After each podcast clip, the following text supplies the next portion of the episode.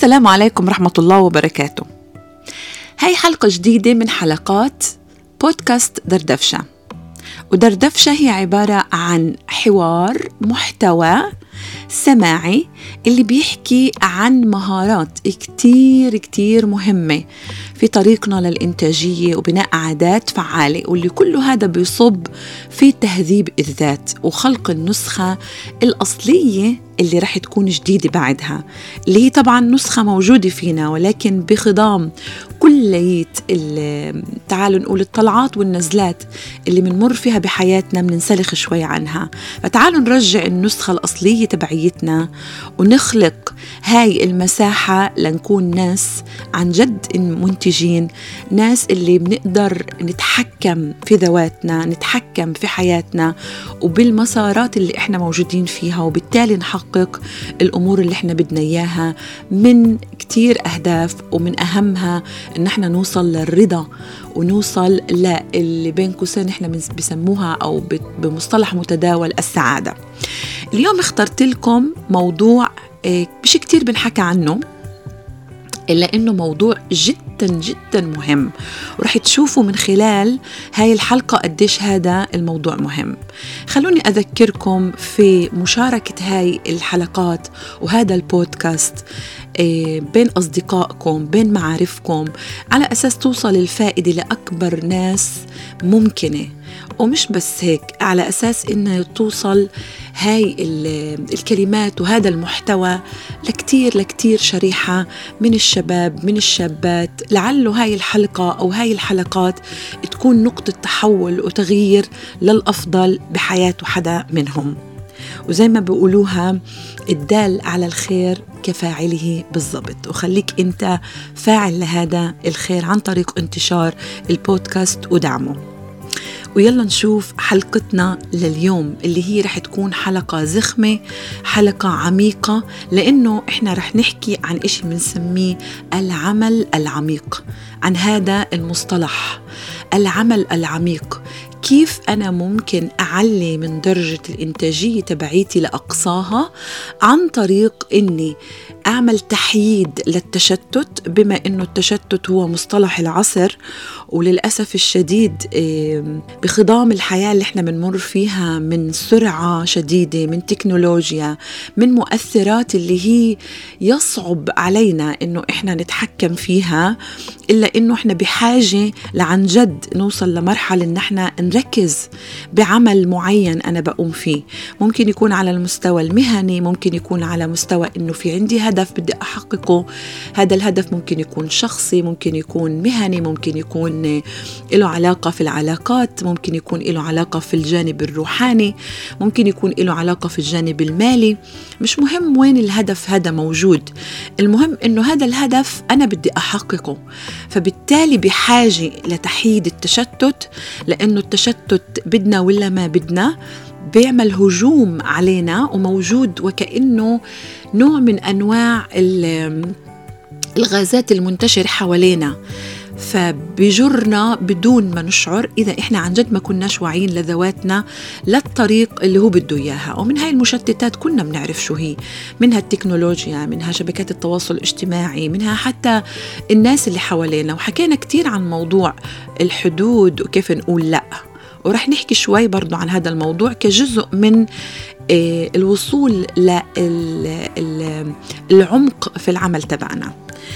عشان أرتب لكم المعلومة منيح بداية رح نحكي عن الفرق ما بين شو يعني عمل عميق وشو يعني عمل سطحي.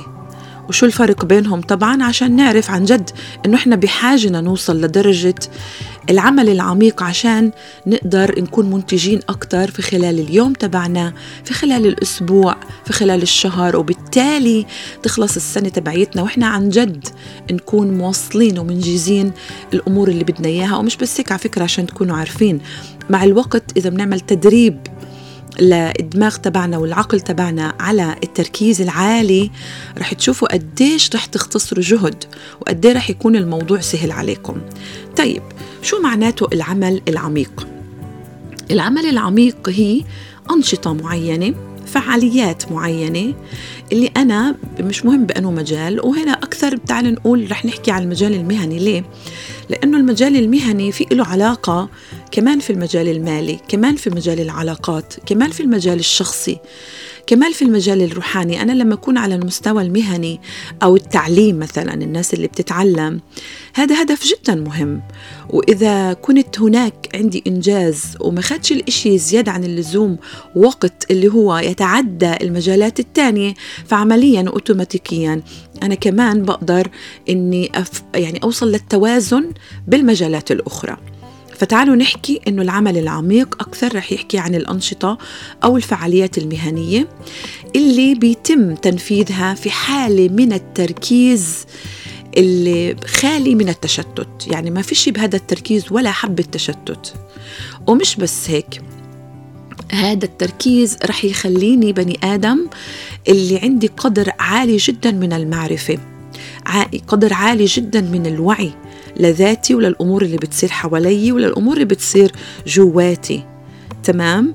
ومش بس هيك إني يعني الحدود تبعية هاي المعرفة رح تكون جدا كبيرة وجدا واسعة.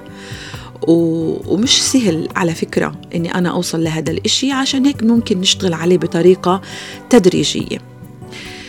وهاي على فكرة بتخليني إني أنا أخلق كيف جهود اللي هي زي ما تقولوا بتصير لهاي الجهود قيمة جديدة في حياتي وبتحسن من المهارات تبعيتي وجميع المهارات اللي أنا بحاجة لإلها على أساس أوصل لأعلى درجات الإنتاجية على مدار الساعة وعلى مدار اليوم وعلى مدار الأسبوع وهكذا. ومش بس هيك يعني ممكن أنا أوصل لهذا العمل العميق في فترة معينة نقول مثلا بالشهر أركز عليها وخلص. بس تتخيلوش قديش هاي الفترة رح تعطيني. رح تعطيني 80% إذا مش أكثر من النتائج لقدام. حتى ممكن تغطي نتائج لمدة سنة كاملة. تخيلوا لحديت لوين هذا العمل العميق ممكن إنه يساعدني. وهذا بيستعملوه على فكرة كتير في شركات الهايتك الناس اللي بتشتغل في الهايتك بيساعدوهم على يعني بيساعدوهم على إنهم يحيدوا التشتت من كل النواحي من البيئة الخارجية من البيئة الداخلية على أساس يركزوا يعطوا هداك الشغل اللي إيه، هم بحاجة لهذا الشغل إنه يكون موجود ويحصلوا عليه على أساس يبنوا عليه شغل لمدة سنين لقدام مش بس يعني سنة وسنتين. طيب شو عكس العمل العميق؟ العمل العميق عكسه العمل السطحي واللي هذا مطب ومصيد كثير من الناس بت... بت... يعني للأسف الشديد بتوقع فيه بل بجوز 99% من الناس. اللي هو عبارة عن الأنشطة اللي إحنا بننفذها وبس شو اللي بصير بدون تركيز. وغالبا بيكون يعني أنا بتم بتمم هاي الأنشطة والفعاليات والمهام بطريقة وأنا مشتت. بيكون عندي تشتت وبميل لأنه ما يكونش في عندي قيمة جديدة على فكرة. يعني وبعملها يوم يوم بطريقة يومية وبطريقة سهلة يعني. بدون ما ما يعني يكون عندي نوع من أنواع التركيز ولا قيمة جديدة أنا بفوتها على مهاراتي على مستوى المهارات والمعرفة تبعيتي. اذا هو العمل السطحي عكس العمل العميق تماما تماما. طيب ليش؟ ليش مهم لإلنا إنه يكون عندنا عمل عميق؟ أنتوا بتعرفوا بنرجع كمان مرة لبداية البودكاست هذا. حكينا إنه إحنا في عالم تشتت عالي جدا. لا بل الدراسات أثبتت إنه الإنسان صارت الذاكرة تبعيته على فكرة يعني النسبة تبعيتها أقل من نسبة ذاكرة السمكة الذهبية. والسمكة الذهبية إحنا كنا بنعرف إنه خلال ثلاث ثواني كل ثلاث ثواني بتنسى شو أكلت. فعشان هيك كل ما تحط لها أكل هي بتأكل. وإذا أنا بستمر في هاي العملية بيوصل هذا الإشي لإنها تموت. تخيلوا لحد وين والإنسان صار نسبة تركيزه على شيء معين أقل من ثلاث ثواني. تخيلوا لحد وين وعلى فكرة مبنى الشبكات التواصل الاجتماعي والإعلام مبني على هذا الإشي. فهم بيقدموا لك الفيديوهات القصيرة جدا اللي هي آه، لا تتعدى الدقيقة ولكن فيها معلومات معينة وفيها ألوان وفيها سرعة في النقل من من صورة لصورة وفيها حركة كتير اللي بتساعد على إفراز الدوبامين. وإحنا بنعرف إنه الدوبامين هو ناقل عصبي اللي بيساعد على تعالوا نقول نحن نوصل بين قوسين للمتعة مش السعادة للمتعة ولكن مدة تعالوا نقول التأثير تبع هذا الهرمون هي دقيقة لا يتعدى الدقيقة. فأنت بتلاقي حالك خلال هاي الدقيقة الدوبامين ارتفع عندك. ومفت مرة على مرة مرة على مرة أنت بتصير يعني تتداول وتصير تستعمل أو تتشاهد هاي الفيديوهات فبالتالي بصير عندك إدمان على الدوبامين وهنا إحنا بنقول في عنا إدمان على الإلكترونيات. والإدمان على الإلكترونيات وعلى شبكات التواصل الاجتماعي هو أخطر من الإدمان على المخدرات بحد ذاتها بما يتعلق في مردود السلبي على الدماغ تبعنا وفاعليته. تخيلوا لحد وين. والتخلص من هذا الإدمان بالذات لما يكونوا أطفال يعني صغار وينبنى مخهم على هذا الإشي. وبالآخر إحنا بنوصل لمحل إنه الدماغ تبعنا ما بيقوم بالفعاليات والأنشطة وما بيخدمني وما بيفقد الدور تبعه اللي ربنا سبحانه وتعالى خلقه عشانه. ففرضية العمل العميق أصبحت حاجة ملحة لنا على أساس إنه إحنا عن جد يعني بحاجة لهذا الإشي وهذا الإشي صار كثير نادر. لأنه إحنا بدنا بنفس ال... يعني بهذا الوقت ننجز أشياء معينة اللي توصلنا لمحل إنه بالآخر يصير عندنا توازن. مش إني أنا أمسك المهمة وتروح سنة ورا سنة ورا سنة ورا سنة وأنا مش قادر أوصل لهذا الهدف ومش قادر أعمل هذا الإشي لمجرد إني عندي تشتت مش طبيعي وهذا الإشي بضرب القيمة الذاتية تبعيتنا. ومش بس هيك هذا الإشي كمان إيه، بيسبب قلة توازن بكل المجالات اللي إيه، أنا المشترك فيها من اقتصادية مجال اقتصادي مجال الاجتماعي مجال الأسرة مجال العلاقات مجال العاطفة مجال الذاتي. مجال الروحاني وكل هاي المجالات اللي أنا إيه، طبعا مهمة لإلي إني أوصل فيها لإنتاجية معينة. ونتيجة هذا الإشي في عنا إنتاج قليل جدا وبالتالي على فكرة إحنا عايشين بدوامة إنه مش قادر أحصل على المستوى حتى المادي الذي يليق بالجهود اللي أنا بعملها. فأنا بركض بركض بركض في هاي الدنيا وبالآخر مش محصل المستوى المالي أو الاقتصادي اللي ممكن يريحني أو يوصلني لأمان اقتصادي إيه، اللي ممكن يريحني لسنوات لسنوات قدام أو لباقي عمري. فتخيلوا كله مربوط في بعضه. وهذا الإشي طبعا بقلل من قيمة المعرفة الموجودة عندي والمهارات الموجودة عندي. وهيك جوهر الحياة تبعيتنا العملية بيكون إيه، غير مزدهر. ف شرط من شروط الازدهار بحياتنا هو إنه إحنا نفعل مهارة العمل العميق. وصلت؟ ممتاز. تعالوا نكمل لقدام. طيب شو يا ريما؟ القاعدة الأولى في أساس إني أنا أمارس العمل العميق. ركزوا معي منيح منيح. بداية العمل العميق إيه زي ما حكينا بيتميز بالتركيز الشديد جدا جدا وتحييد وغياب التام للمشتتات. انتبهوا منيح هذا شرط فهون في تهذيب للنفس. في إني أنا بدي أرتقي بنفسي وأشتغل على نفسي وأول لا أقولها أقولها لنفسي. وهلا نحكي لقدام كيف الإشي رح يصير. وهي من أهم المهارات في عالم التشتت اللي إحنا موجود فيه موجودين فيه وهذا التشتت على فكرة بحالة تزايد. طيب بداية تعال نتعرف على قانون الإنتاجية وإحنا بنعرف إنه الإنتاجية بالجوهر تبعها المعنى تبعها هي إنه أنا أنجز الأمور الأهم بحياتي الأهم بخلال يومي الأهم بخلال أسبوعي. في كتير أشياء مهمة ممكن تكون بس أنا بدي أنجز الأهم منها. ولهيك قانون الإنتاجية شو بيقول؟ عشان أنا يعني أنتج عمل اللي عالي الجودة. أحقق هدف بطريقة بطريقة اللي هي عالية الجودة. بدي أنتبه إنه لازم يكون عندي الإشي محصلة عاملين جدا مهمات. الوقت المستغرق في إنجاز هاي العمل ضرب كثافة التركيز. وكل ما كانت كثافة التركيز أعلى خلال هاي الفترة المعينة كل ما كانت الجودة بأفضل حالاتها. تمام؟ تذكروا هذا الإشي كتير منيح. طيب القاعدة الأولى في العمل العميق بهاي المهارة هي إنه لازم نفهم إنه العمل العميق هو أربع أنواع بالبداية. وإنت حر إنك تختار ملائمة لإلك ولظروف حياتك ولنمط الطاقة تبعيتك. وبالنسبة على فكرة لأنماط الطاقة رح نعمل حلقة عنها لأنه في عنا أنماط. ومهم إن إحنا نعلي الوعي تبعنا شو هي هي أنماط الطاقة عشان نعرف كيف نتعامل مع حالنا ونفهم حالنا أكثر. أربع أنواع بتقول هيك إيه، أو المناهج أو النوع الأول هو النوع الرهباني. النوع الرهباني من كلمة الراهب. بتعرف الراهب شو بيعمل؟ يختلي بنفسه بعيد عن الناس في مكان نائي تمام؟ ممكن يكون في الطبيعة ممكن يكون في كوخ ممكن يكون في مكان كتير بعيد. وأركز على شغل معين. هاي كتير مثلا الكتاب بيعملوها. فبيجي مثلا الكاتب بيقول أنا دركز ومش عارف من مشتتات هاي الحياة إني أكتب الكتاب وأنهي الكتاب تبعي. فبحاجة إني أختلي وأبعد عن كل المشتتات أختلي بنفسي وأنقل لا مكان اللي فيش فيه تكنولوجيات بالمرة. المكان هذا حتى خالي من كل مظاهر اللي لها علاقة في الإنترنت وعلاقة في العولمة.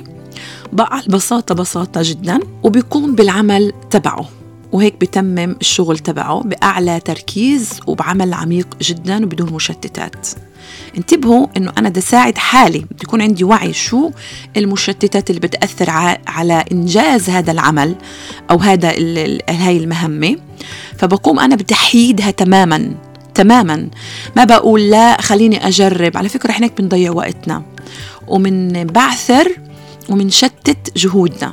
فلا من قاصرها باخدها وبروح بعمل هاي العملية أو آه، بمارس النوع الأول من العمل العميق اللي هو الرهباني. النوع الثاني بنسميه إحنا النوع أو المنهج الثنائي.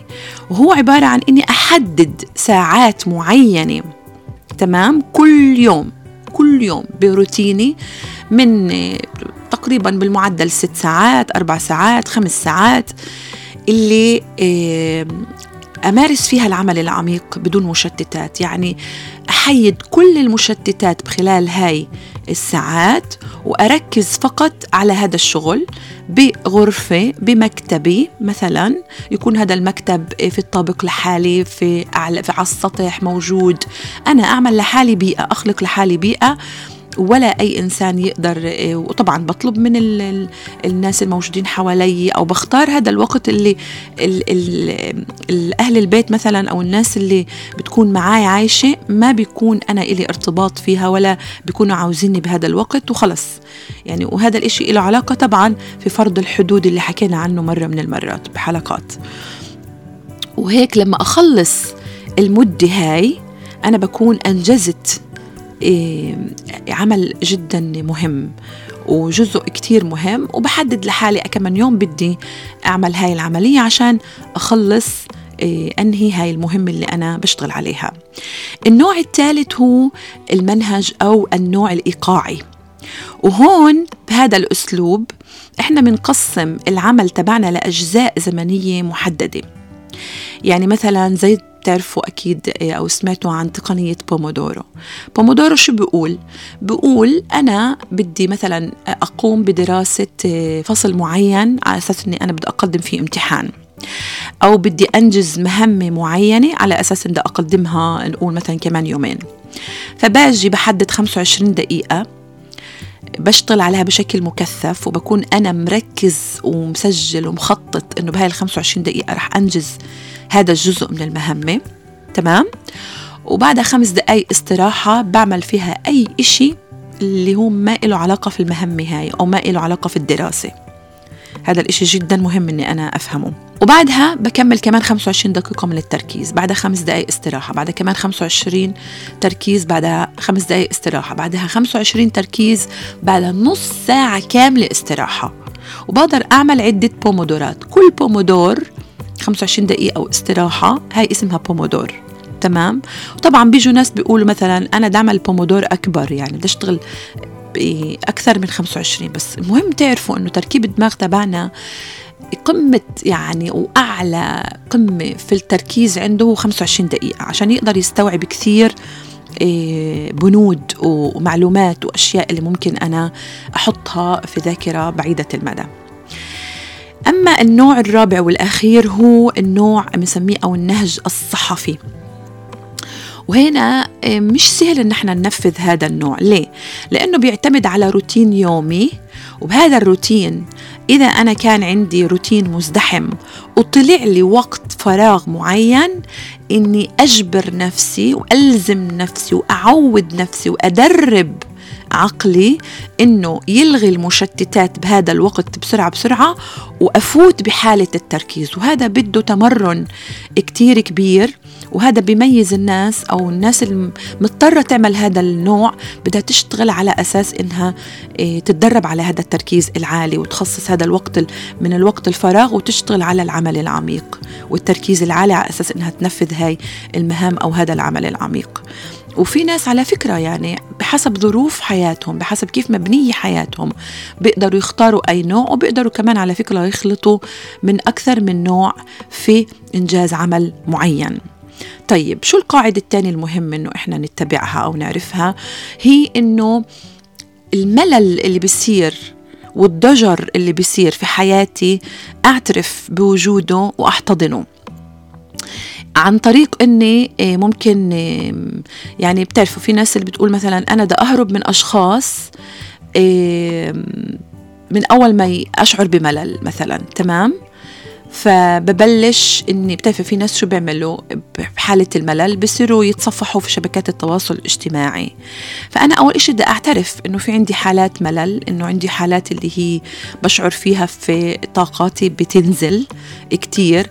فكتير مهم إنه أول إشي يكون في عندي نوع من أنواع الوعي لإلها وين بتصير وقديش الوتيرة اللي بتصير وكيف أعالج هذا الموضوع كيف أتعامل معه وأتقبله هذا شعور عادي.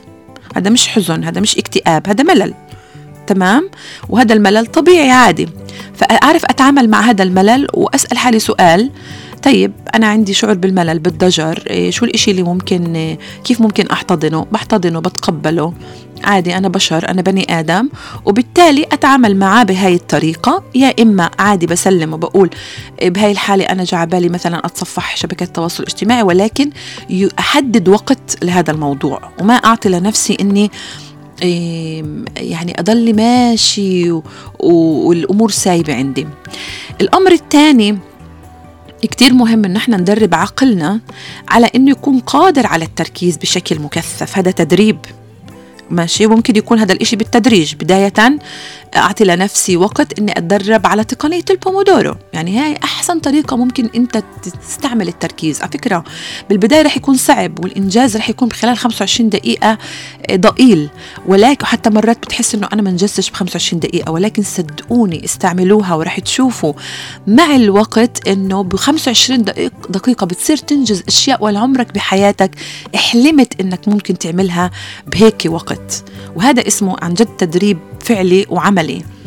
وهذا الإشي بيمنع إنك أنت تستجيب لفرص التشتت اللي بتصير لانتباهك بشكل مكثف زي ما حكينا بهاي العالم اللي إحنا عايشين فيه. القاعدة الثالثة أو البند الثالث بهاي القاعدة الثانية هي إنك تمارس التأمل.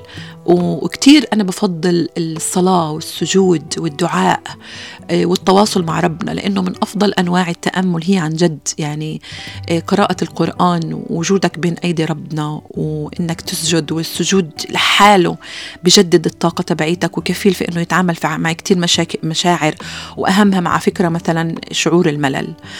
فهذا الإشي بعطيك تركز. تخيل أنت تقعد تصلي ركوعتين وبهاي الركوعتين تركز مع رب العالمين وتركز بكل كلمة بتحكيها بكل دعاء بكل حرف بتحكيه بالسجود وتركز على حركات الصلاة. هذا الإشي راح عن جد يساعدك في إنك أنت تركز على الأفكار تبعيتك وتعرف كيف تحل مشاكلك.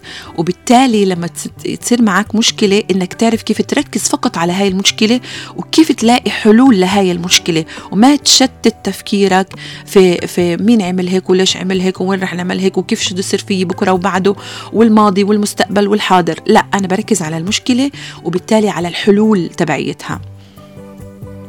أما القاعدة الثالثة إيه والعنوان تبعها هو أنه تقطع وسائل التواصل الاجتماعي. وركزوا معي منيح منيح لأنه إحنا حكينا من أهم الأمور اللي بتسبب عندنا تشتت في هذا العصر الجديد وهي العولمة هي شبكات التواصل الاجتماعي وكل ما يتعلق فيها بأي آه، صورة ممكنة. بداية كتير مهم إنه إحنا نعرف ونذوت ونكون واعيين إنه مش كل إشي في فايدة معينة هو لازم أنا أستعمله. يعني كتير بنرو بروجوا إنه إيه، أو بنسمع هاي الجملة بس آه أنا ما بقدرش أمنع حالي عن التلفونات وعن إيه، شبكات التواصل الاجتماعي أو وسائل التواصل الاجتماعي لأنه هي لها فايدة ماشي لها فايدة ولكن يكون في عندك نوع من أنواع ثقافة وتفعلها على فكرة وهي أداة جدا مهمة الاقتصاد حياة. إنك تعمل جدول وتشوف شو السلبيات وشو الإيجابيات. أنت بتلاقي إنه الإيجابيات أعلى بكتير آه، من السلبيات. ماشي ما عنديش مشكلة استعملها. واعمل برنامج وخطة لاستعمالها. أما إذا لقيت إنه سلبياتها أكثر وبتشتتني وبتسبب التشتت وبتحرمني من التركيز وبالتالي من الإنتاجية وبالتالي من إني أنا أحقق اللي أنا بدي إياه تمام؟ واللي أنا عن جد ورسالتي في الحياة والمعنى حياتي بالآخر أنا بوصل له. فبالتالي سلبياتها أكثر فبالتالي لا مش كل شيء فيه فايدة شوي معناته لازم أستعمله تمام؟ ما زي ما بقولها إحنا ما يعني يعني إشي بيوصل لي بطريقة قليلة فايدة بلزمش إني أنا أركز عليه ويكون في له آه، حيز كبير في حياتي. وهذا الإشي ينطبق على وسائل التواصل الاجتماعي واستعمالها. الإشي الثاني في هاي القاعدة الثالثة إنه كتير مهم إن إحنا نستفيد من وقت الفراغ تبعنا. استفادة كاملة. يعني وقت الفراغ مش معناته إني أنا آه، أطفي مخي أطفي عقلي لا. وكمان أنا بشتغل على تهذيب الذات. كمان أنا بستفيد من وقت الفراغ تبعي. ممكن أمارس رياضة. ممكن إني أقرأ آه، كتاب معين ممكن إنه يكون في عندي مهارة معينة لها علاقة في مجال تاني لها علاقة كيف مثلا يعني كيف مثلا على مستوى المالية أدير بالي وانتبه أو مهارات بهي المحل أو على مستوى الأكل الصحي اللي أفوته على جسمي أو على مستوى حتى الطبيخ الأكل هواي أي شيء له علاقة في إنه ينمي أجزاء معينة عندي وأستفيد منه من هذا وقت الفراغ. وبالتالي أنا بجدول هاي الأوقات الفراغ بطريقة اللي عن جد كمان يكون فيها إنتاجية إيه، معينة. ويساعدني إني ما ألجأ دائما وأخلي إيه، عقلي يلجأ للأمور الأسهل. لأنه إحنا مبنيين بطريقة إنه عقلنا دائما بيلجأ للأمور اللي فيها كسل أكثر وأسهل أكثر. القاعدة الرابعة بتقول في الوصول لهاي الإنتاجية اللي حكينا عنها اللي هي قانون الإنتاجية اللي بالتالي هو إيه، جوهر العمل العميق. بتقول إنه قلل من الأعمال السطحية. كتير مهم إنك تقلل من الأعمال السطحية. وحكينا شو يعني أعمال سطحية في بداية هذا الحوار تبعنا أو الحكي تبعنا أو الدردشة تبعيتنا. إن إحنا نقوم بالحد بشكل كبير من مقدار العمل السطحي اللي إحنا بنقوم فيه. يعني انتبهوا ويكون عندكم وعي شو الأمور المهمة وشو الأمور الأهم بخلال يومي ونركز على الأمور الأهم لأنها الأمور المهمة هي عادة بتكون الأمور السطحية. وبالتالي إذا بركز عليها أنا وقعت في فخ التشتت. النقطة الثانية من القاعدة الرابعة إن إحنا نقوم بجدولة يومنا. لكل 30 دقيقة. وحكينا ليش لكل 30 دقيقة؟ لأنه عقلنا قادر على التركيز على شيء معين وتذويته وعن جد والتدريب عليه وأخذه على محمل الجد لمدة 30 دقيقة. فبيكون واضح أكثر ولما أنا جربوها عن جد كثير هاي الطريقة مهمة. أنا شخصيا جربتها على حالي بكثير آه، مهام بخلال يومي. واللي خلتني عندي إنتاجية أعلى وإنه بنجز عن جد يعني وفق مسميها إحنا قانون باريتو أو قانون الجهد. بنجز 80% من الأشياء اللي كنت أنا بدي أنجزها. وهيك بالتالي بيأثر على الأهداف وبيأثر على شو أنا بدي أوصل آخر المطاف آخر الشهر آخر السنة للأهداف تبعيتي. وبالتالي 30 دقيقة هاي بيكون واضح لإلي شو علي أعمل فيها. هذا والوضوح جدا مهم. يعني اعتبروا العقل تبعكم طفل. إذا أنت ما كنت واضح معاه وما حطيت له حدود هو بأخذك وين ما هو بده. وكتير مهم إنك أنت تعرف كيف تسيطر عليه. الإشي اللي بعده بهاي القاعدة الرابعة إنك تتعلم تقول لا. وحكيت لكم بداية الفيديو بداية حكيت لكم بداية هاي الحلقة إنه كتير مهم نرجع لوضع الحدود. وعشان نعرف نقول لا وواحدة من الأشياء إن نقولها لا للأعمال ولا المهام هاي السطحية اللي بتشتتنا. ونكون حازمين تمام؟ وبدون نعطي أعذار وأسباب للأشخاص أو أو للأشياء هاي اللي اللي هي آه، أقل أهمية ومش الأهم وهي مش من أولوياتي. بينما النقطة اللي بعدها في هاي القاعدة بتقول إنه كتير مهم إنه إحنا نحدد وقت للانتهاء. يعني نحط الديدلاين للمهام اللي بنقوم فيها ونسكر الدائرة لكل مهمة بنعملها عشان شعورنا نعزز الشعور عنا والحاجة عنا في إنهاء المهام مش تضلها مفتوحة.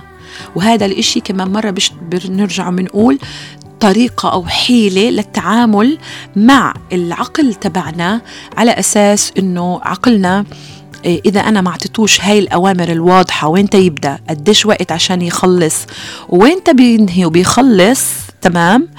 إيه، بيتشتت سريعا وبنتقل فيه أو بصير يشتغل معي بطريقة اللي هي مشتتة جدا وياخذني ويسافر فيي لكتير محلات اللي هي ما لها علاقة في الجوهر المهمة أو بالإشي الأهم. هاي كمان مرة الأمور اللي إلها علاقة في مهارة العمل العميق. وإذا أنتم بتطلعوا على هاي المهارة هي لب الإنتاجية ولب العنصر الأساسي من عناصر الإنتاجية الثلاثة اللي هو التركيز. وأنتم بتعرفوا على فكرة إنه الثلاث عناصر تبعت الإنتاجية هي التركيز والوقت والطاقة. وإذا بتطلعوا على كلية القواعد الأربعة اللي حكينا عنها هي كليتها بتحكي عن التركيز بشكل خاص والتركيز بدون عامل الوقت وبدون عامل الطاقة والجهد. أنا إيه، ما بقدر أوصل لهذا التركيز. تمام؟ جربوا هاي القواعد بالبنود اللي حكيت لكم إياها. امشوا على هاي بهاي الحلقة على وحده وحده امسكوا ورقة وقلم. وإن شاء الله بوعدكم بالحلقة القادمة نحكي عن أنماط الطاقة عشان كل حدا فيكم يعرف عن جد أي نوع من أنواع تبعت العمل العميق تاخذوها على أساس تفهموا حالكم أزيد ويكون وعي لذاتكم أزيد وللاحتياجات تبعيتكم ولا شو بزبط معكم شو بزبطش معاكم. وهيك عن جد بتقدروا إيه، تستثمروا بحالكم وتاخذوا هاي المهارة لبعيد. وتشوفوا قديش تلاحظوا إنه رح يكون في نسبة عالية في التركيز عندكم ونسبة عالية في تحقيق كل الأشياء اللي أنتم بتطمحوا لإلها.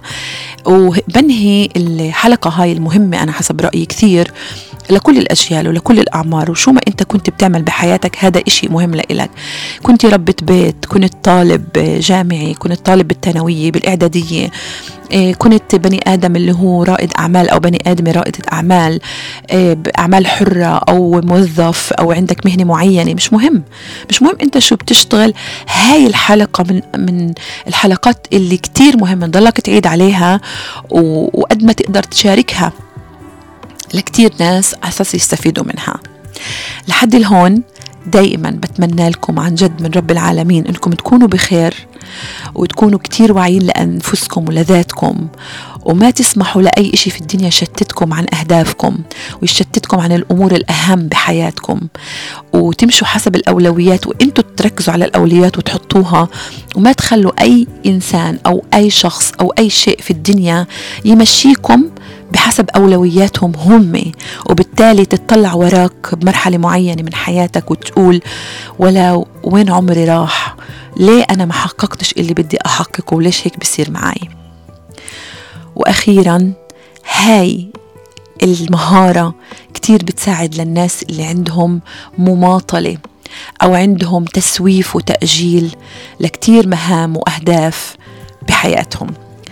دمتم بخير وبصحة وبتركيز عالي على كل إشي أنتوا بدكم توصلوا له وعن جد رحين توصلوا له ده طالما أنتوا موجودين بهاي الحلقة وبتسمعوا لها شكرا لكم والسلام عليكم ورحمة الله وبركاته.